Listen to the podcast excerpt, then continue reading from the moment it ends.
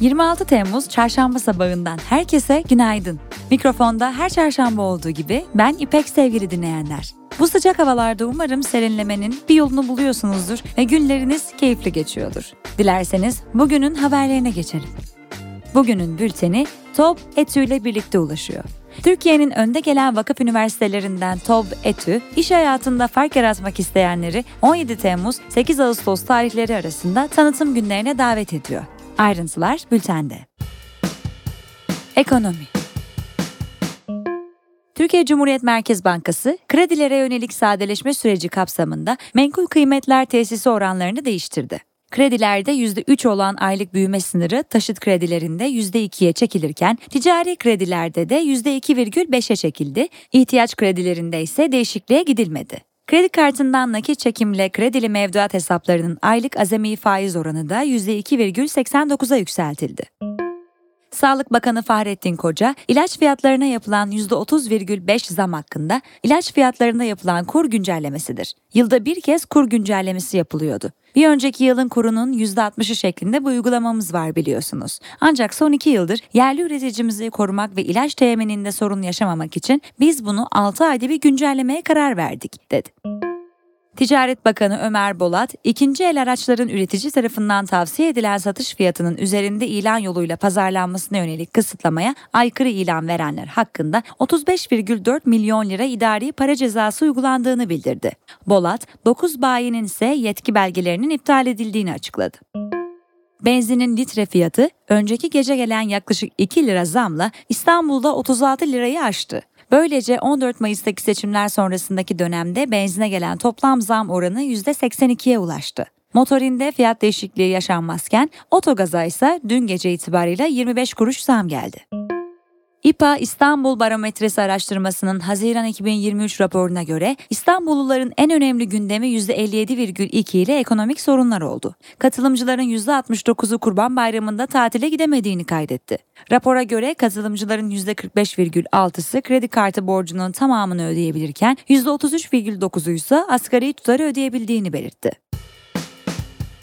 İş dünyası ve finans Renault'un ikinci el otomobil yenileme merkezi Refactory, Fransa Flins ve İspanya Sevilla fabrikalarının ardından Bursa'daki Oyak Renault fabrikasında da faaliyete başladı. DHL Group, MNG Kargo'nun hisselerinin tamamını satın almak üzere anlaşma imzaladı. Anlaşmayla DHL Group'un uluslararası lojistik uzmanlığından ve geniş küresel ağından faydalanacak olan MNG Kargo, DHL e-ticaret biriminin bir parçası olarak DHL e-ticaret Avrupa Kargo teslimatı ağını tamamlayacak. Bodrum'da otellerin büyük bölümünün doluluk oranlarının yüksek sezon olmasına rağmen %55-60 civarlarında kaldığı, Eylül'de doluluğun daha da düşmesinin beklendiği öğrenildi. Üst segment turistin Bodrum'a gelmektense yurt dışını tercih etmesinde yanlış fiyat politikalarının etkili olduğu kaydedildi. Forbes'un dünyanın en zenginlerine yer verdiği listeye göre Elon Musk'ın net serveti 242,4 milyar dolara çıktı. Değerlemedeki artışta Tesla hisselerinin %2,5'ten fazla artması etkili oldu. Total Energies, Fransız temiz enerji şirketi Total Eren'in kalan hisselerini 1,5 milyar avroya satın aldı. Satın alma ile birlikte şirketin elektrik bölümünün net işletme gelirinin gelecek yıl 160 milyon avro, nakit akışının ise yaklaşık 400 milyon avro artması bekleniyor. İş dünyasına dair önemli içgörülerden haberdar olmak, sektör analizleri ve gelecek öngörülerini takip etmek için Aposto'nun İş Dünyası yayını Parato'ya abone olabilirsiniz. Parato'ya ücretsiz abone olmak için açıklamadaki bağlantıya tıklayabilirsiniz.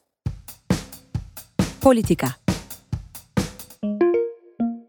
İstanbul, İzmir ve Ankara'da dün sabah saatlerinde düzenlenen operasyonlarda Biyanet editörü Evrim Kepenek, Mezopotamya Ajansı muhabirleri Fıratcan Arslan, Delal Akyüz, T24 editörü Sibel Yükler ve Diyarbakır'da da Evrim Deniz gözaltına alındı. Bazıları adliyeye sevk edilen gazetecilerin neden gözaltına alındığına ilişkin bir açıklama yapılmadı. CHP, Saadet Partisi, Deva Partisi ve Demokrat Parti'nin önergesi üzerine TBMM Genel Kurulu dün vergi artışları ve zamlar gündemiyle olağanüstü toplandı. Muhalefet partilerine mensup milletvekillerinin konuşmalarının ardından yapılan oylamada CHP'nin genel görüşme önergesi reddedildi. Cumhurbaşkanı Erdoğan, adli yargı hakim ve cumhuriyet savcılarıyla idari yargı hakimleri kura töreninde konuştu. Erdoğan, mevcut anayasayı darbe anayasası olarak tanımlayarak önceliklerimizin en başında Türkiye'yi darbe anayasasından kurtarmak var, dedi. Filistin lideri Mahmut Abbas resmi ziyaret kapsamında Ankara'ya geldi ve Cumhurbaşkanı Erdoğan'la bir araya geldi. Abbas bugün ülkesine dönecek. Çin Dışişleri Bakanı Qin Yang görevden alınarak yerine üst konumundaki Wang Yi getirildi. Görev değişikliğinin neden yapıldığı açıklanmadı. İsrail'de yargı reformu isimli yasa tasarısının mecliste kabul edilmesinin ardından protestocularla polis arasında çıkan arbedeler devam etti. Protestocular eylemlerini sürdürerek yolları kapatırken zaman zaman polisle çatışmalar yaşandı. ABD'nin bir hafta içinde ikinci kez Güney Kore'ye nükleer denizaltı göndermesinin ardından Kuzey Kore iki balistik füze denemesi yaptı. Japonya Savunma Bakanlığı da Kuzey Kore'nin füze denemelerini doğruladı. Teknoloji ve girişim Twitter rakibi merkezi olmayan sosyal ağ Mastodon'un çocuk cinsel istismar materyaliyle dolu olduğu bildirildi. Sadece iki gün içinde platformdaki 325 bin gönderide 112 çocuk cinsel istismarı materyali örneği tespit eden araştırmacılar, çevrim içi çocuk cinsel istismarı grupları tarafından sıklıkla kullanılan hashtag ve anahtar kelimelerle eşleşen 554 içerik tespit etti. Çin merkezli sosyal ağ TikTok, kullanıcıların yazılı içerikli paylaşmalarını olanak tanıyacak yeni metin oluşturma özelliğini duyurdu. Yeni özelliğin kullanıcılara kendilerini ifade etmeleri için yeni bir yol sunacağı ifade edildi.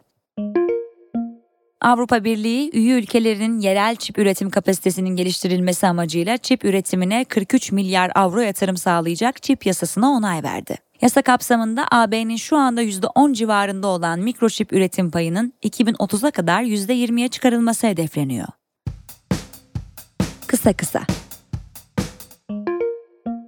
TÜİK verilerine göre Türkiye'de yayımlanan gazete ve dergilerin sayısı 2022 yılında bir önceki yıla göre %9,2 azalarak 4048 olurken gazete ve dergilerin tirajı ise %8,3 azaldı. Bu yayınların %54'ünü dergiler oluştururken gazetelerin yıllık tirajının %88'ini günlük, dergilerin yıllık tirajının %65'ini ise aylık yayınlar oluşturdu. İzmir'in Menemen, Antalya'nın Kemer ilçesinde çıkan orman yangınlarına müdahale karadan ve havadan ekiplerin desteğiyle sürüyor. Hatay'ın Antakya ilçesinde ise orman yangını kontrol altına alındı. Kendisini pratisyen hekim olarak tanıtan ve tutuklanarak cezaevine giren sahte doktor Ayşe Özkiraz, tahliye olduktan sonra girdiği üniversite sınavında tıp fakültesine yerleşmek için yeterli puanı alamadı. Özkiraz, cezaevindeyken tıp fakültesine girmek için üniversite sınavına hazırlanmaya karar vermişti. Rusya'da cinsiyet değiştirme ameliyatları ve hormon tedavilerini yasaklayan yasa, devlet başkanı Vladimir Putin tarafından imzalanarak yürürlüğe girdi. Afganistan'da Taliban tarafından yayımlanan bir genelgeyle bir ay süre tanınan kuaför salonlarının kapatılması için son gün dündü. Bu karar nedeniyle 60 bin kadın 12 bin salonda çalışarak kazandığı geliri kaybedecek.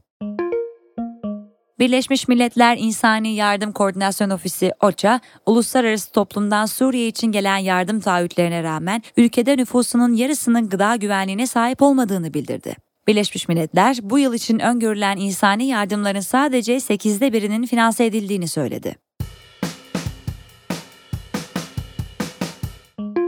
Günün hikayesi. Sosyal medyadan bir kuş eksildi.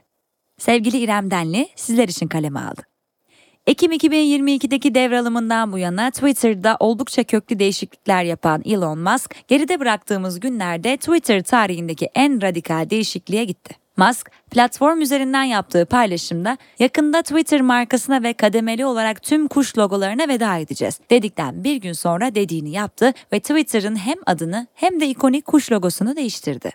Değişikliklerin ardından Twitter'ın yeni adı X yani X olurken kuş ikonunun yerine de Musk tarafından minimalist Art Deco olarak tanımlanan X sembolü geldi. Ancak bu değişimi takip eden paylaşımlarında Musk bu ikonun da muhtemelen değişeceğinin ve rafine edileceğinin sinyallerini verdi.